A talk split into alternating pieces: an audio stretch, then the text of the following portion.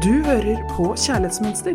Denne sommeren skal Anniken og Irene svare på det du lurer på, slik at du kan finne den kjærligheten du fortjener.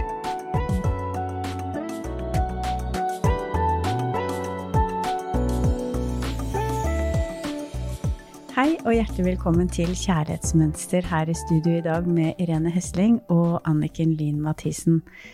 Deilige sommermåneder, hyggelig å være sammen, og takk for alle spørsmål. Vi syns det er superhyggelig å kunne gi tips og råd nå i sommer. Så hva er dagens leserinnlegg, Irene? Det lyder som følger. Jeg er 40 år og skilt. Hadde et lengre forhold som ble slutt for ett år siden. Sliter med å komme meg over dette bruddet. Gikk til en NLP-coach rett etter bruddet og begynte å jobbe med erfaringer fra barndom. Skjønner nå at min opplevelse som liten jente har hatt innvirkning på mitt kjærlighetsmønster. I alle mine forhold har jeg opplevd avvisning på ulikt vis, og har sittet igjen med et savn etter bruddet, og særlig dette. Jeg klarer ikke å komme over han. Jeg trenger å få sortert mer i dette. Få satt ord på det og bruke verktøy som gjør at jeg kommer meg videre. Har lest boka di Kjærlighetsmønster og har startet prosessen, men hadde satt pris på om dere kan ta opp hvordan jeg kan komme meg ut av kjærlighetssorg og om frykten for ikke kunne oppleve gjensidig kjærlighet igjen. Dette er et veldig aktuelt tema. Kjærlighetssorg, frykten for ikke kunne oppleve gjensidig kjærlighet, ser jeg veldig, veldig mange jeg jobber med, sliter med. Fordi vi har noen erfaringer i livet som gjør at vi har blitt utrygge. Kanskje vi har åpnet oss for første gang og endelig følt at vi har truffet den rette, og så har vi blitt avvist i ettertid da er det veldig, veldig vondt, og man mister ofte håpet på at jeg vil treffe den rette noen gang. Ikke bare fordi at den rette ikke er der ute, men fordi at jeg kanskje ikke kommer til å klare å åpne meg og ta imot den kjærligheten jeg ønsker meg så veldig. Mm, det kan jeg relatere meg til. Og da er det jo denne innsidejobben, da, som du har lært meg om tillit, finne den inni meg. Finne hvem jeg er, hvor ting hører hjemme, hvor ting fra barndommen kommer fra, hvordan jeg får endret det, alt det hun skriver om her mm. og spør om. Fordi, som hun sier, da, at hun har begynt å se at det er en del eh, erfaringer hun har med seg fra barndommen, og at opplevelser som liten jente har påvirkning på hennes kjærlighetsmønster. Og det å lengte etter en person som ikke er der, det handler jo mye om, ser jeg i hvert fall da gjennom min praksis, at jeg leter etter kjærlighet på feil sted. Fordi at den kjærligheten jeg mener skal være der, den er jo ikke der.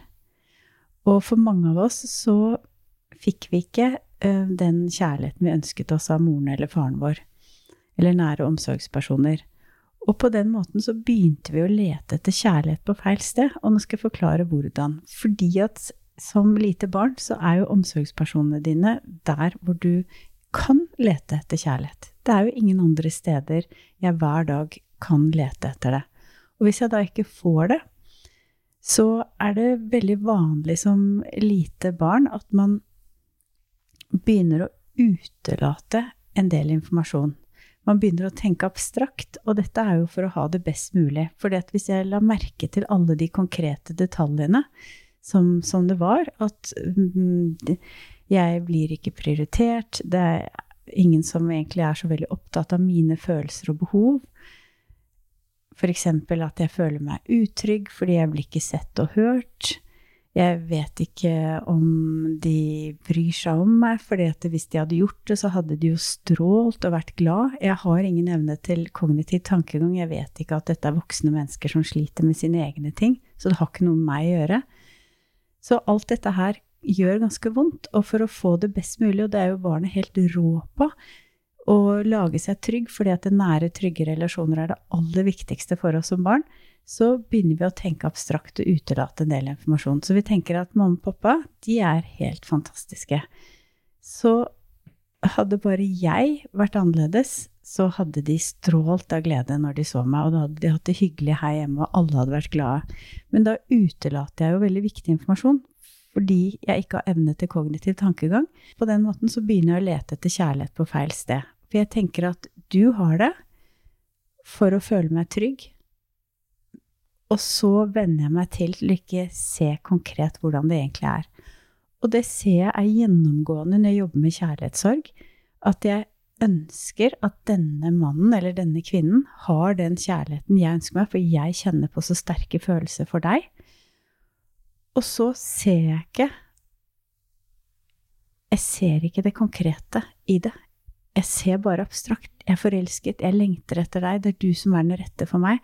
Og så utelater jeg at denne personen ikke er det. Så se for deg en avisartikkel hvor det står 'Du er den rette for meg'. Og så leser jeg videre i artikkelen, så ser jeg jo at det stemmer jo ikke overens med overskriften. Og sånn er det vi lurer oss selv når vi har kjærlighetssorg, fordi vi tenker at han er det. Og når jeg da begynner å spørre, eller hun, når jeg da begynner å spørre i detaljer um, Hvordan har det vært, ikke sant? Ikke bare i de øyeblikkene hvor dere hadde det fantastisk. Hvordan har det vært egentlig helt fra begynnelsen, fra dere traff hverandre, til nå? Hva har du sittet igjen mest med følelser? Og da kommer det veldig ofte at jeg har følt meg avvist, jeg har følt meg utrygg, jeg har følt meg usikker. Så da betyr det jo at denne personen som jeg lengter etter, han eller hun, er jo ikke den rette for meg. Fordi at den rette for meg skal jo gjøre det samme som jeg gjør med meg selv, ideelt, og det er jo å ta vare på meg, gjøre meg selv trygg, vise meg selv respekt, vise meg selv omsorg, lidenskap, glede, møte meg på mine verdier. Men det utelater jeg, for jeg har fått et bilde om at det er du som kan gi meg den kjærligheten, for jeg kjenner på sterke følelser, og så leter jeg etter kjærlighet på feil sted. Og dette er en ganske interessant prosess, for jeg ser at når klientene mine begynner å innse det, som har kjærlighetssorg, så flytter de seg over fra å savne den personen til å innse helt konkret hvem denne personen er, og at denne personen er ikke det de lengter etter. Fordi at den personen de lengter etter, er jo en som vil være der for dem, men da må vi først begynne å være der for oss selv. Så ja, det er et indre arbeid, og det starter med en bevisstgjøring om hvem jeg er, og hva jeg virkelig ønsker meg, og jeg slutter å tulle med virkeligheten og lete etter kjærlighet på feil sted. Ja, vi har jo snakket om det i flere podkaster, at dette her skulle jo vært et fag på skolen. Og som, sier, ja, og som, du sier, hvis man har lyst til å finne ut av mer, så studerer vi det jo. Mm. Og her er jo innsenderen på god vei ved å ha både gått i coaching og søker råd, da. Og så er det bare til syvende og sist jeg som kan gjøre jobben i mitt liv. Det er så viktig å innse det. Og igjen, det er det jeg brenner så veldig for her i Kjærlighetsmønster, å ta 100% ansvar for det livet jeg vil ha, men da må jeg ta 100% ansvar for hva jeg driver med inni meg. Så hvis jeg da leter etter kjærlighet på feil sted, så vil jeg jo aldri finne den kjærligheten. Og det er et gammelt sagn om en person som hadde mistet en nøkkel. Og så sto han ute i gatelampen om kvelden og lette i lyset. Og så kom det noen naboer og spurte er det her du mistet den? Nei, sa han. Men hvorfor står du her og leter? Jo, for det føles så behagelig å stå her i lyset og lete. Og det er litt sånn at det vi synes er mest behagelig, det er jo ofte det vi er mest kjent med? Og det vi er mest kjent med, er jo det vi har erfart som små og opp gjennom livet. Og det er ikke alltid best for oss, men ofte så bare fortsetter vi å bli stående der fordi det føles mest behagelig. Men det er ikke det rette valget for oss, og det bringer oss ikke dit vi vil. Vi finner ikke nøkkelen til løsningen vi ønsker oss. Ja, og jeg kan jo kjenne igjen fra mitt eget liv at jeg ser etter en person som skal fylle et tomrom inni meg. Men det er umulig, og det er et altfor stort ansvar å legge på noen andre. Så jeg må rett og slett fylle det tomrommet selv. Og det og der jo, kommer jo kroppen inn igjen, da. Når jeg føler meg lei meg, om det er kjærlighetssorg eller andre grunner, når jeg føler meg tom, usikker, lurer på altså kommer jeg noen gang til å komme i mål her, liksom, så kan vi jo stoppe opp trekke pusten. Og hvis du som lytter har lyst til å bli med på det, så gjør det. Stoppe opp, lukke øynene, ikke hvis du kjører bil. Du kan legge en hånd på hjertet. Kjenne på varmen fra hånda di mot hjertet. Trekke pusten inn i hjertet ditt. Og på utpustet kjenne at du er i kroppen din, kjenne at du har føtter, at du sitter eller står på underlaget. Trekke oppmerksomheten, energien din inn i hjertet ditt. Og på utpustet kjenn at du kan lande inni deg selv. Og siste innpustet Kjenne om det kan bre seg en ro i kroppen din på utpustet.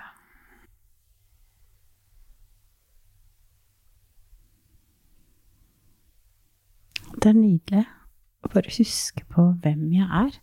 Fordi vi går så fort i ville veier og tror at det vi leter etter, er et annet sted. Og det meste går jo bare på vane.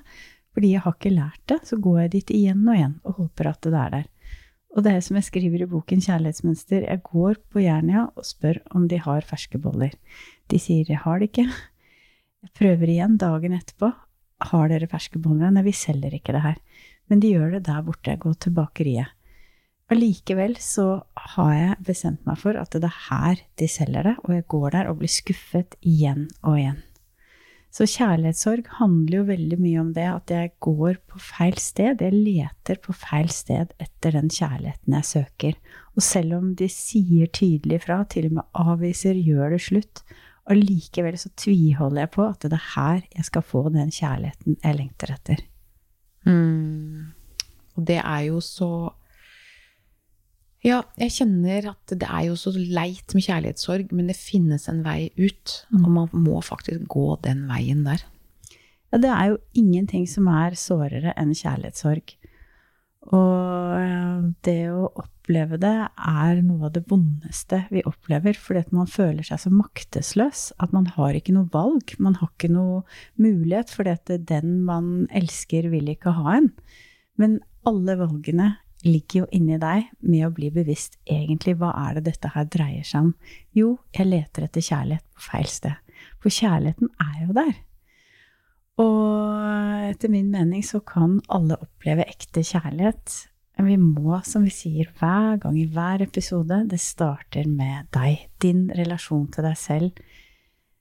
Bruke de egenskapene du har i deg, fordi at f.eks. For det å tenke abstrakt, som vi har pratet om i dag, du har jo også en konkret tankemåte å forholde deg helt konkret til hvordan det virkelig er. Den bruker vi ofte på jobb, eller hvis vi kjører trafikken, eller skal handle mat. Så det å begynne å forholde deg konkret til andre mennesker, og særlig da en, en person som du har kjærlighetssorg til, det er utrolig viktig. Og jeg ser med alle mine klienter at det er en skikkelig oppvåkning når man helt konkret ser hvordan det er. Og i Kjærlighetsmønsterboken så skriver jeg også om en kvinne som har kjærlighetssorg, og hvordan vi jobbet med det. Så er du interessert i det, så les boken. Der er det også steg for steg hvordan vi jobber med mønster, med selvbilde, med verdier, kjerneverdiene våre, grenser og din egen bevissthet. Fordi at det er jeg som utelater eller fordreier informasjon. Det er jeg som kan ta tak i det. Jeg kan bli mer konkret.